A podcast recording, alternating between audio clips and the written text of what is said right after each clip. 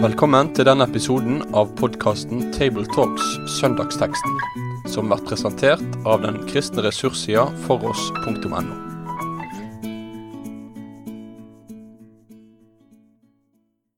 Hjertelig velkommen til en ny episode av Tabletalks, der vi diskuterer søndagens preketekster. Og I dag så skal vi snakke om teksten for pinsedag, som er søndag 20. mai. og Det er Johannes 14, vers 15-21 som er teksten. Pinsedag det er jo en eh, dag som vi gjerne forbinder med sol og varme og helg og tur på fjellet eller ved sjøen. Men i kirka er jo dette en av de store, viktige dagene der vi feirer at Gud sendte Den hellige ånd. og Ofte så snakker vi om at kirka har sin fødselsdag på pinsedag. Og jeg er vant med fra sånne barne-søndagsskolesammenhenger at vi gjerne har litt, eh, litt bursdagskake og ballonger på pinsedag for å, å markere at det, det, er en viktig dag for, eh, i, i kirka sin historie. Eh, så, og I dag så skal vi snakke nærmere om en tekst om Den hellige ånd, bl.a. Og med meg i dag så har jeg som vanlig Sverre Bø. Og Toril Slottsveen Asp. Og så er det Toril som får gleden av å lese teksten som man står i Johannes 14, vers 15-21. Dersom dere elsker meg, holder dere mine bud. Og jeg vil be min far, og han skal gi dere en annen talsmann, som skal være hos dere for alltid. Sannhetens ånd, som verden ikke kan ta imot. For verden ser ham ikke og kjenner ham ikke. Men dere kjenner ham, for han blir hos dere og skal være i dere. Jeg lar dere ikke bli igjen som foreldreløse barn. Jeg kommer til dere. Snart ser ikke verden meg lenger, men dere skal se meg, for jeg lever, og dere skal også leve. Den dagen skal dere skjønne at jeg er i min far, og at dere er i meg og jeg i dere. Den som kjenner mine bud og holder dem, han er det som elsker meg, og den som elsker meg, skal min far elske. Ja, også jeg skal elske ham og åpenbare meg for ham. Denne teksten den står jo midt i, eller et stykke ut i Jesu avskjedstale som han holder for disiplene på skjærtorsdag. Eh, og Jesus har jo akkurat i starten av kapittel 14 gitt et løfte om at han, han går, går, og skal gjøre seg et sted for dem. Og Philip har stilt spørsmål om å få lov å se far. Eh, og så har Jesus sagt at eh, jeg er far, og far er meg, og far er meg og gjør sine gjerninger. Og så kommer vi nå over til løftet om talsmannen og, og, dette her med at på den dagen skal dere forstå disse tingene. At jeg er far, og far er meg, osv. Her er vi jo, stilles vi jo inn i noen ganske sånn eh, ting som sprenger eh, vår tanke, og, og gjerne henleder oss mer til undring enn til, enn til de voldsomme logiske deduksjonene med dette mysteriet med å være i, i Kristus, han i oss, og at det skal være en refleksjon av relasjonen mellom Faderen og Sønnen. Så ikke Toril om, om, du har noen tanker om, om dette her med å, denne foreningen med Kristus, og det var i Kristus, og, og hvordan vi lærer om det her. Det slo meg i hvert fall når jeg leste teksten at jeg fikk veldig lyst til å gjøre akkurat som Maria, forklare minst mulig, og heller grunne på teksten. Jeg leste et sted at denne språkbruken her med å være i han og han i oss, det er fysisk sett en ubrukelig språkbruk, fordi vi ikke klarer å eh, begripe hva det egentlig innebærer. Så jeg tenkte at når jeg ikke kan forstå og forklare det, så blir det veldig viktig at jeg lytter med tillit til den som sier det. Og at det hviler veldig mye på tilliten til at han har innsikten, han vet hva han snakker om. Og så kan jeg få undre meg og gjemme det i mitt hjerte, og la det være med meg som en sånn stille meditasjon. Eh, egentlig så tenker jeg jo at disse ordene med at han skal være i oss og vi i han, det, det går det ikke an å forklare sånn at en skjønner det med hodet. Men kanskje det går an på en måte å, å synke inn i det. Ved å lytte til det og lytte til det og skjønne at det er eh, Det er noe han gjør, det er noe han trekker meg inn i, inviterer meg inn i. Og så tenker jeg at den dagen jeg virkelig aner hva det innebærer, så kommer det, da kommer jeg til å juble. Da, da kommer jeg til å fatte at jeg er faktisk lukket inn i treenigheten. Det er mye snakk om kjærlighet, og det er ikke sånn, sånn på avstand. Men det er så tett som det er mulig å komme, den relasjonen mellom, mellom Gud, eh, Hans Sønn, Den hellige ånd og meg. Dette er jo ikke noe vi møter bare i denne ene teksten heller. Det er jo noe Bibelen på mange, mange steder faktisk er opptatt av. Går vi til Paulus, så skriver han nærmere 100 ganger, tror jeg, om å være i Kristus. Og ikke fullt så mange ganger at vi er i ham, eller at han er i oss, ånden i oss. Men altså til sammen er det et enormt antall bibelsteder som anvender denne språkbruken igjen og igjen. Og som du sier, Toril, det er logisk nesten meningsløst, og du klarer ikke å ta inn over deg hva ligger det i det. Men desto større vekt får du jo at Bibelen insisterer på det. Jeg vet ikke om jeg får være så å bryte ned til det et så elementært plan, men altså Det at verden ser oss og tenker på Jesus, det fikk en gutt oppleve smertefullt. Jeg kjenner han. Han gikk på fjellet og fortalte på et åpent møte om hvordan han var blitt plaget og mobbet av at noen ropte slengt etter han, Se, der kommer Jesus. Og så fortalte han en gang han kom gråtende hjem og fortalte foreldrene om dette. Og etter trøst så fikk han litt hjelp av far, som sa hvis de sier det i morgen, så skal du svare at nei, nå tok du visst feil av meg og broren min. og det syns gutten var en så flott tanke at han nesten gledet seg til morgendagen. At han skulle bli slengt den samme kommentaren etter å svare. Men så føyde han til dagen etter hadde de noe annet å mobbe meg for, så jeg fikk aldri brukt akkurat den replikken. Men måten han fortalte det på, tyder på at han hadde hatt en trøst av å se at også når det kom til det å bli satt i skamme, så fikk han smake bitte litt av det som på Bibelen heter å dele Kristi vanære. Kanskje også et aspekt ved det å få være i Kristus. Så tenkte jeg også på når jeg leste gjennom teksten, altså det, sånn i vers 18, altså 'jeg kommer til dere'. Det, det er en sånn, en, sånn herlig eh, tone det, det personlige. Det er han som og, og hele tiden, Hvor initiativet ligger. Jeg skal be Faderen, han skal gi, jeg skal komme. Eh, og dette, det, det, her er jo ikke en, det å være i Kristus det er ikke en, en, noe som sånne teknikker som vi skal bruke for å komme oss inn i Kristus, men det er han som, som kommer til oss, og så, er det, og så tar han oss liksom inn til seg og inn i seg. Det, det er sånn, noe sånn trøstefullt for Det religiøse landskapet er jo ofte den motsatte bevegelsen. Hva, kan, hva teknikker kan jeg bruke for å komme inn i, inn i guddommen eller et eller annet sånt? Og så leser vi at jeg skal komme til deg, og så skal vi få være i, i Kristus. Og det er en, kan vi ta med som en sånn rik trøst i, i denne forkynnelsen som, som, Jesus kommer med her i, i, vår tekst. Og så tenker jeg jo at det, det er én ting vi kan gjøre. For vi kan besinne oss på at dette er virkeligheten. Mm. Og så å minne oss sjøl om at dette er virkeligheten som vi mm. lever i. Og hans nærvær både rundt oss og i oss. Mm. Og Derfor snakker jo Jesus om å holde fast ved mitt ord osv. Det, det er jo gjerne akkurat det og denne besinnelsen som eh, er så viktig. da. Mm. Og så blir jeg slått av Jesu kjærlighet i måten han snakker på. For når han sier 'jeg lar dere ikke bli igjen som foreldreløse barn', mm. så, så, bruker han jo et språk som med en gang gir oss bilder, og kanskje også kontakt følelsesmessig med eh, foreldreløse barn som ikke har noe ankerfeste, som har mista, som sørger, som er hjelpeløse. Og så er det noe av den dype omsorgen han bruker, eller han gir oss når han bruker det uttrykket. Det er jo ikke sånn det skal være. Jeg skal jo fortsette å ha omsorg for dere. Mm. Som du sa, jeg kommer til dere. Mm. Og så er det jo en ting i teksten som får bevege oss videre til et annet moment. Eh, det som det begynner med i vers 15, og som eh, jeg klarte jo ikke dy meg, jeg måtte slå opp i min greske grammatikk og lese litt. Og, og, og dette er, denne, sånn, Dersom dere elsker meg, da holder dere fast. Og der er det, altså den Grammatikken er bygd opp sånn at her er det en sånn det er sikker følge. Altså Hvis premiss A foreligger, så er eh, premiss, så er måte, konklusjon B nødvendig.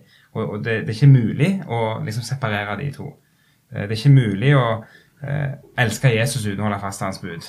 Eh, det er ikke mulig å holde fast hans bud uten at en elsker Jesus. Og der, der har vi jo et Der, der er det sprengstoff i, i, i en tid hvor eh, Når vi snakket på forhånd, du nevnte Sara, at eh, ofte så er jo det motsatte vi søker. Vi tenker at kjærlighet det er liksom den ultimate frihet.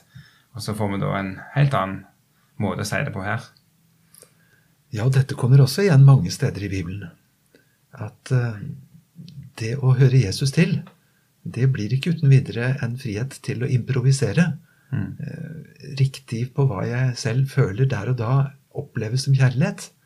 Men jeg blir vist til noe så konkret som til Jesu bud, og med verbet å holde, ta mm. vare på, etterleve og følge. Mm. Så selve tanken om kjærlighet og bud kolliderer i hodet på mange, men Bibelen insisterer på en sammenheng. Mm. Og den sammenhengen eh, må vi minne hverandre litt på. For det er ikke helt det vi puster i tiden. Og så tenker jeg jo det er en del som har hatt en sånn type oppdragelse at de har vanskeligheter med å koble bud og kjærlighet. Slik at det blir et sånt krasj at de to egentlig henger sammen. Så når jeg leste dette her og, og lot det liksom synke inn i meg, så, så tenkte jeg på fri barneoppdragelse. Der, der skjønner vi at det får ikke så gode resultater hvis det bare blir såkalt kjærlighet uten noe veiledning, uten noe regelverk og uten rammer. Så kanskje er det nettopp kjærligheten som også er skjult i at vi får bud å leve etter. En veiledning, en ramme for livet vårt som kjærligheten kan få vokse i og utvikle seg i. Og så tenker jeg han sier dette først, og så kommer han med alt det han skal gi. Så kanskje er det også nødvendig at at det er på plass. For det er på en måte det, hvis man tenker at det er det karet han skal fylle inn med sin Hellige Ånd, med sin kjærlighet, med det livet vi skal leve. Det må ha en ramme. Og dette møter oss på enda flere steder igjen i Bibelen i det sporet du sier, Toril. Når Paulus skal forklare i 2. Korinterbrev 5 hvorfor han driver misjon, så kommer han til det uttrykket at Kristi kjærlighet tvinger meg. Den kjærligheten jeg har fått møte hos Jesus, og som har flytta inn i hjertet mitt, den tvinger meg til noe. Eh, og tvang er jo et veldig sterkt ord. Eh, jeg tror den nærmeste menneskelige analogien kan være en mor med en baby i armene, eh, som har en så sterk binding til barnet og barnets beste at det vel ikke er noen pris som blir for høy i forhold til det å ta omsorg for det barnet. Morskjærligheten tvinger, til omsorg og ivareta. Eh, og langs det sporet så er også misjon og vitnetjeneste, livet for Jesus, sånn sett noe som er utøst i hjertet, og som ikke gir meg noe valg. Mm. Men, men, jeg ble jo litt, jeg ble litt lei meg også ja, når jeg leste det verset eh, denne gangen, fordi jeg vet at jeg ikke klarer å holde hans bud sånn som vi ideelt sett skulle. Og så står det at dersom dere elsker meg, holder dere mine bud. Og er logikken da, når jeg ikke klarer å holde hans bud, ergo er jeg ikke blant den som elsker Jesus heller? Man kan jo tenke sånn, egentlig. Men, eh, men så kom jeg jo på Peter, da. Så han, jo, han hadde jo ikke ramla ut av kjærlighetsrelasjonen til Jesus, selv om han ikke på en måte mestra å gjøre det som var rett, og det han skulle. Så jeg tenker det å holde hans bud kanskje også er å ikke alltid klare å leve etter det, for det gjør vi jo ikke, men at, at jeg på en måte bøyer meg for dem som en grunnholdning og ønsker å være lydig, og så går det i stykker. Men jeg ønsker fortsatt å være på den veien. Ja, med det. Og så er det jo spennende altså, Nå har vi snakket en stund allerede, og vi har vært innom eh, kjærligheten, om det å holde bud, om, om uh, misjon osv. Og, og så er det spennende at det er jo disse tingene som ånden virker. Og så er det jo pinse, og så er det Den hellige ånd. Og så, og så ser vi gjerne noe av det viktigste som, som vi lærer gjennom Den hellige ånd, nettopp at han, han virker på en måte i det stille ved at nettopp eh, han, han, skaper disse tingene i oss. da. Eh, sorgen over synd, eh, ønsket om å leve etter hans bud, eh, misjon, denne tvangen til å dele osv. Eh, at, at det er det som er åndens gjerning. og på en måte så er det en sånn verdig og rett måte å snakke om Den hellige ånd på, nemlig å snakke om de tingene han virker. Og så kan vi jo samtidig ikke Vi må nevne han, eh, siden han er så tydelig nevnt i teksten. Så jeg tenkte vi skulle også prøve å bevege oss litt inn i de begrepene som brukes om ånden her, om talsmannen, om, om sannhetens ånd. Um, og jeg hadde selv en Jeg har jo i meg denne her eh, litt sånn nerdete tilbøyeligheten til å ville sjekke språk og hvordan ting uttrykkes på andre måter. Og, og dette begrepet talsmann er jo særlig eh, spennende, som på et, et gresk ord som er paraklet.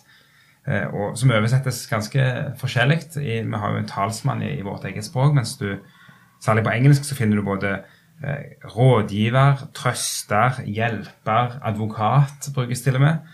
Eh, så, så, her står vi overfor et veldig sånn spennende, spennende begrep som, eh, som liksom språkelskeren i meg syns det er litt kjekt å utforske. da. Eh, og jeg regner egentlig med at i, alle fall, i alle fall du, Sverre, har litt samme syke så du har gjerne noen tanker du òg om, om dette her. Ja, det er en sånn fantastisk ord. Fantastisk i den mening at du kommer ikke til bunns i det bare med å oversette det med et annet norsk ord. Mm. Eh, talsmann er nevnt i fem avsnitt i denne avskjedstalen. Og faktisk, her er bibelkommentarene nokså enige om hva de kaller hver av de fem avsnittene. Og det er verdt å stanse for. Det mm. første om at talsmannen hjelper. Det neste at han tolker. Det tredje at han vitner. Det fjerde at han anklager. Mm. Og det femte at han åpenbarer. Og nå kunne vi sikkert ønske oss enda flere stikkord, men dette er i hvert fall mm. de fem hovedpoengene i de avsnittene der det står om denne parakleten. Mm. Uh, og jeg syns det tegner opp en vifte for meg som, som, gir bredde til hvem han er, og hva han driver med. Mm. Godt poeng. Det var en, en, eh, en, disposisjon nesten for en bibeltime over, over talsmannen med disse her fem punktene. Og, og mye har vi, har vi egentlig vært innom òg, så ja, for Den hellige ånd er ikke uten videre alt det andre som vi kanskje føler og tenker på. Mm. Altså Det er ganske håndfast. Han bygger hus. Han anklager min synd. Han åpenbarer Jesus og viser hvem han er, og hva han har gjort. Mm. Han har et vitnesbyrd, han har noe han vil si. Altså Den hellige ånd han blåser ikke såpebobler, han bygger hus. Mm. han, han, vil noe med ting. Mm. Og det er ikke et show, først og fremst. Men samtidig, han, han sprenger alle mine kategorier. Jeg kan ikke fange ham med to-tre definisjoner og si 'der har vi ham'. Mm. For han er så uendelig mye større enn de begrepene jeg prøver å, å stamme på. Mm. Så er det jo sånn at dette greske begrepet paraklet det, det er sånn juridisk tone i, og at det, det er knytta til en, en, som du kaller til som en hjelper i, i retten. og Noen ganger så er han aktor, og noen ganger så er han forsvarer. Eh, så her vi stilles liksom inn i et sånn et, et bilde der, der, du på en eller annen måte trenger at det kommer en utenfra. Det, det er jo litt det som, er, som ligger i dette her. Ja, det er en, og samtidig så Forskjellen på en vanlig advokat og Den hellige ånd er jo at eh, de vanlige advokater tilkalles og kommer når det gjelder å gjøre en innsats. Så skriver jeg enig med gaffel, ikke minst. ja, men, men, her står det at Den hellige ånd blir hos dere mm. og skal være i dere. Og det bli-ordet har jeg lyst til å dra ut sånn ganske langt, for eh, det er å forbli. Han er ikke en som bare kommer når jeg påkaller. Mm. Jeg trenger noe, men han er konstant der som denne rådgiveren og veilederen og mm. har overblikket over alle sider av livet. Mm. Ja, det har han. Og jeg tror vi skal passe oss for å overdrive det juridiske altfor mye. Mm. Med et godt norsk ord så ville jeg sagt han er mentor. Mm -hmm. eh, nå mener jeg ikke sånn i moderne Nei. terapeutisk forstand bare, men en som er meg litt nærmere enn mm. en flott jurist, hvor taksameteret går, og mm. han kan gi et råd på en spesiell bestilling. Han er som du sier, han blir hos oss. Han Mm. er en, en sånn veileder hele tiden. Mm. Ikke sant. Gode poenger. Eh, Så kalles han òg for sannhetens ånd, og da er vi òg inne på dette med at han taler sant. Og, og ofte tenker jeg på en sånn sangstrof med Han sa meg sannhetsordet først om, seg, og så, først om meg, og så om seg. At det, det er jo litt av det som er den gjerningen ånden gjør. og ikke minst litt senere i talen når han snakker om disse tingene, om å han overbeviser om, om synd, om dom, om rettferdighet. At det er også en viktig side ved, ved ånden. da. Men så står det at verden kan ikke få han. Eh, verden kan ikke ta imot den. Eh, så her settes det òg et veldig sånn kraftig skille mellom eh, to grupper, egentlig. Disiplene og, og verden. Og det er òg en ting som vel veldig verdt å, å reflektere litt over på pinsedag, at det, der, finnes en størrelse verden eh, som er kalt ut av, og som vi samtidig er kalt til. Og Du var jo allerede inne på Kristi kjærlighet som, som tvinger oss. og er jo en viktig, viktig forbindelse å lufte fram. Ja, han vitner. Også dere skal vitne. Mm. Det er kjempespennende å følge bare dette verbet å vitne i Johannes-evangeliet, for det er faktisk ganske mange som vitner på hver sin måte. Mm. Eh, Noen på plussiden og noen på minussiden. De, de er vitner i en rettssak på feil side. Men døperen vitner, og dere skal vitne, og ånden vitner. Mm. Mine gjerninger vitner, og ordene mine vitner. Så her er det veldig mye misjon. Mm. Og så ser det jo ut som at Den hellige ånd er knytta til det vi sa for litt siden. Det å holde fast på Hans ord. Eh, For det kommer jo i versene etterpå også. Judas stiller jo det samme spørsmålet. Mm. Hvorfor ikke verden får Den hellige ånd? Mm. Men, eh, men det ser jo ut som det er Når, når Den hellige ånd gis, så gir det, gis den til mennesker som holder fast på Jesu ord. Og hvis mennesker ikke holder fast på Jesu ord, så er det heller ikke noe rom for Den hellige ånd Mm. i deres liv.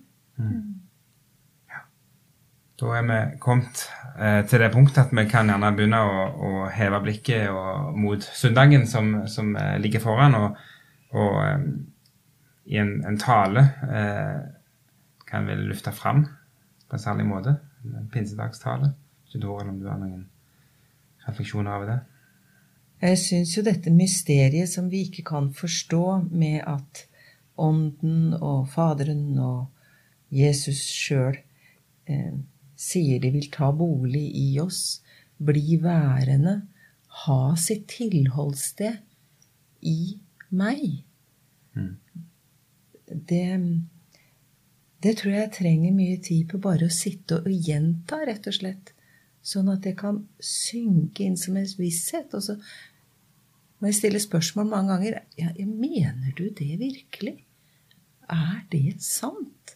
Og hva vil det si for mitt liv? Men da tror jeg jeg er veldig nær dette å meditere, grunne på kontemplasjon, hvor det ikke blir så mange ord, men, eh, men bare at mitt sinn tar imot sannheten. Så jeg tror at det blir jo kanskje I en tale vil det kanskje vært å invitere mennesker inn i det, det rommet. hvor Mediterende. Ja. Jeg tror jeg vil inn fram til det samme poenget. Men kanskje hvis jeg skulle få gå en litt annen vei dit Eh, Han er sannhetens ånd. Han er den som åpenbarer, avslører, viser meg herligheten i frelsen. Alt dette kan fort bli noe svevende for meg, og litt abstrakt. Eh, Han er en som også snakker om å holde mine bud. Eh, Det er når det blir tydelig for meg, kanskje ned på hverdagsnivå, at det begynner å både svi og trøste. Jeg tenker på en liten pussig fortelling om en, en gutt som fikk være med på sirkus. og Der fikk han se noe så spesielt som en fakir som lå på en spikermatte. Eh, Og med nakne ryggen og legge seg rett ned på 1000 store, skarpe, blanke spikere med det spisse hodet opp. Og gutten var uendelig imponert. Også på vei hjem så snakka han om det til sine, og sa det at det der skal jeg øve meg på. Og de syntes jo det var litt store ord av en liten gutt. Og så sa han jeg skjønner jeg kan ikke bare plutselig legge ryggen min rett ned på 1000 spiker. Så jeg skal øve. Jeg begynner med én. Og vi kan jo ane resultatet. Mm. Altså denne sannhetens ånd som vil flytte inn og bo hos meg. Eh, Det hender han henter fram bare én spiker som biter seg fast hos meg. Det høres forferdelig vondt ut, og det, det tror jeg det er. Men like konkret skal tilgivelsen og barnekår og nåden få være. Ikke bare sånn i det fjerne, men det er jeg, lille jeg, som får leve i Guds nåde. Han har flytta inn hos meg. Jeg er blitt Den hellige ånds tempel. Eh, Du tok feil av meg og broren min, men det var jammen ikke så fryktelig feil heller. Mm. Det er noe uendelig nært og flott over pinsedag. Mm. Ja, for det, det er jo en eh, det, Dette er jo en tekst som sånn, litt sånn typisk Johannes-tekst. Med, med, det er så mange dyp i den at du kommer aldri til bunns i den. Og så er det samtidig da eh, noe som er helt konkret i, i våre liv. Og, og det er jo nettopp denne spenningen, eller hva man skal kalle det for, mellom eh, at du, du kommer ikke til bunns i det, og så er det samtidig så hverdagslig og, og så, så integrert i, i våre liv. da. Så det å kunne formidle noe av det er jo en, en viktig ting. i- Å si noe om noe godt Den hellige ånd, at hva, hva han gjør, og hvordan han, eh, hvordan han peker på Jesus. Og, og fører oss inn i, inn i denne relasjonen og dette kjærlighetsforholdet til, til Jesus. Ja. Med det så setter vi streik for i dag, og eh, eh, vil takke til deg som lytta til oss og denne samtalen. Eh, På foross.no så er det mulig å lese mye forskjellig stoff, både om Den hellige ånd og om, eh, om pinsen. Så der kan du gå inn og, og, og lese mer om, om eh, denne tematikken som, som vi har snakket om i dag. Så vil jeg ønske Guds velsignelse over de av dere som skal dele forkynnelse over denne teksten, og de av dere som skal lytte til forkynnelse over denne teksten. Og så vil jeg også ønske dere en god og velsigna pinsefest. Med det sier vi takk for følget for denne gang. Finn flere ressurser, og vær gjerne med å støtte oss på foross.no.